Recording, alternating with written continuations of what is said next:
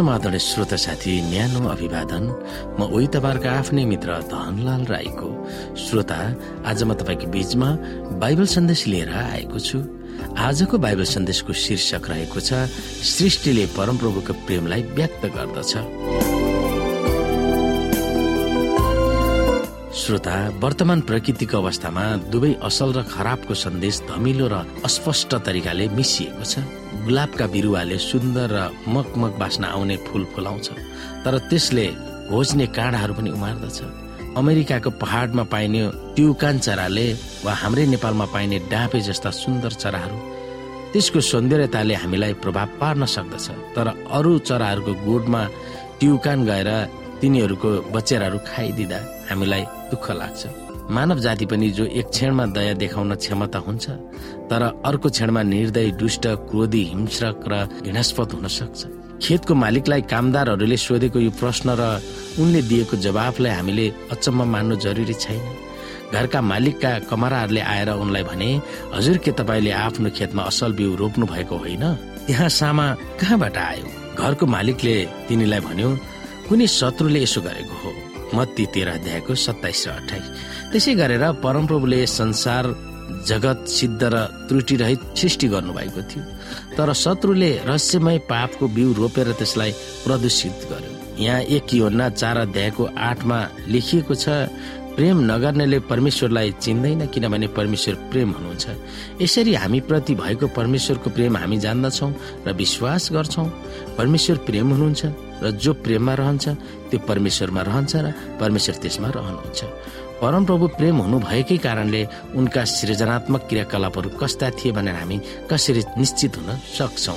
परमप्रभु प्रेम हुनुहुन्छ भन्ने तथ्यले कमसे कम तीनवटा आधारभूत आशयहरूको सन्देश दिँदछ। पहिलो त प्रेमको स्वभावै यस्तो हो कि त्यसलाई लुकाएर राख्दा त्यसको अस्तित्व रहँदैन। त्यसकारण कुनै न कुनै तरिकाले प्रेमलाई व्यक्त गर्नै पर्छ। व्यक्त नगरिने वा गर्न नसक्ने प्रेम कस्तो होला? त्रिएक परमेश्वरले भित्रिएर बाहिरी रूपमा आफ्ना सृष्टिहरूलाई आफूहरूमा भएको पारस्परिक प्रेम देखाउनु भएको छ। दोस्रो परमप्रभुले जे गर्नुहुन्छ त्यो उहाँको बिना शर्त र अपरिवर्तनीय प्रेमको उपज हो। यसमा उहाँका सृष्टिका कामहरू उहाँको उद्धार गरिने क्रियाकलापहरू र दुष्टहरूलाई दण्ड दिने पनि समावेश भएको हुन्छ। खास गरेर परमप्रभुको प्रेम उहाँको न्याय प्रणालीमा व्यक्त गरेको करुणा भन्दा कम छैन।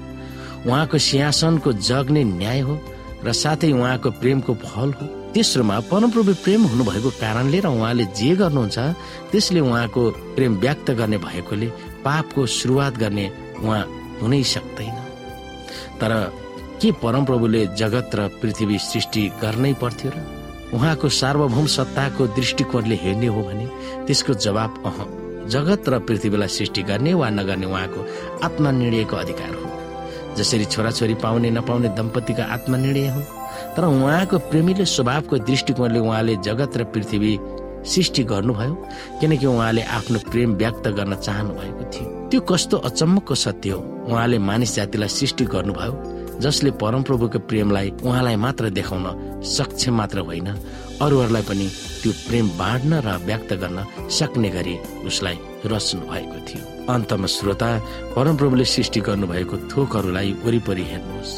पापले गर्दा तहस नहस भए तापनि परमप्रभुको प्रेमलाई प्रतिबिम्ब गरेको तपाईँले देख्नुहुन्छ। उहाँको सृष्टिले प्रकट गरेको उहाँको प्रेमद्वारा आशाका पाठहरू कसरी सिक्न सक्नुहुन्छ? त्यो कुरा तपाईँ सोच्न सक्नुहुन्छ। श्रोता साथी आजको लागि बाइबल सन्देश यति नै। हस्त नमस्ते जय मसिंह।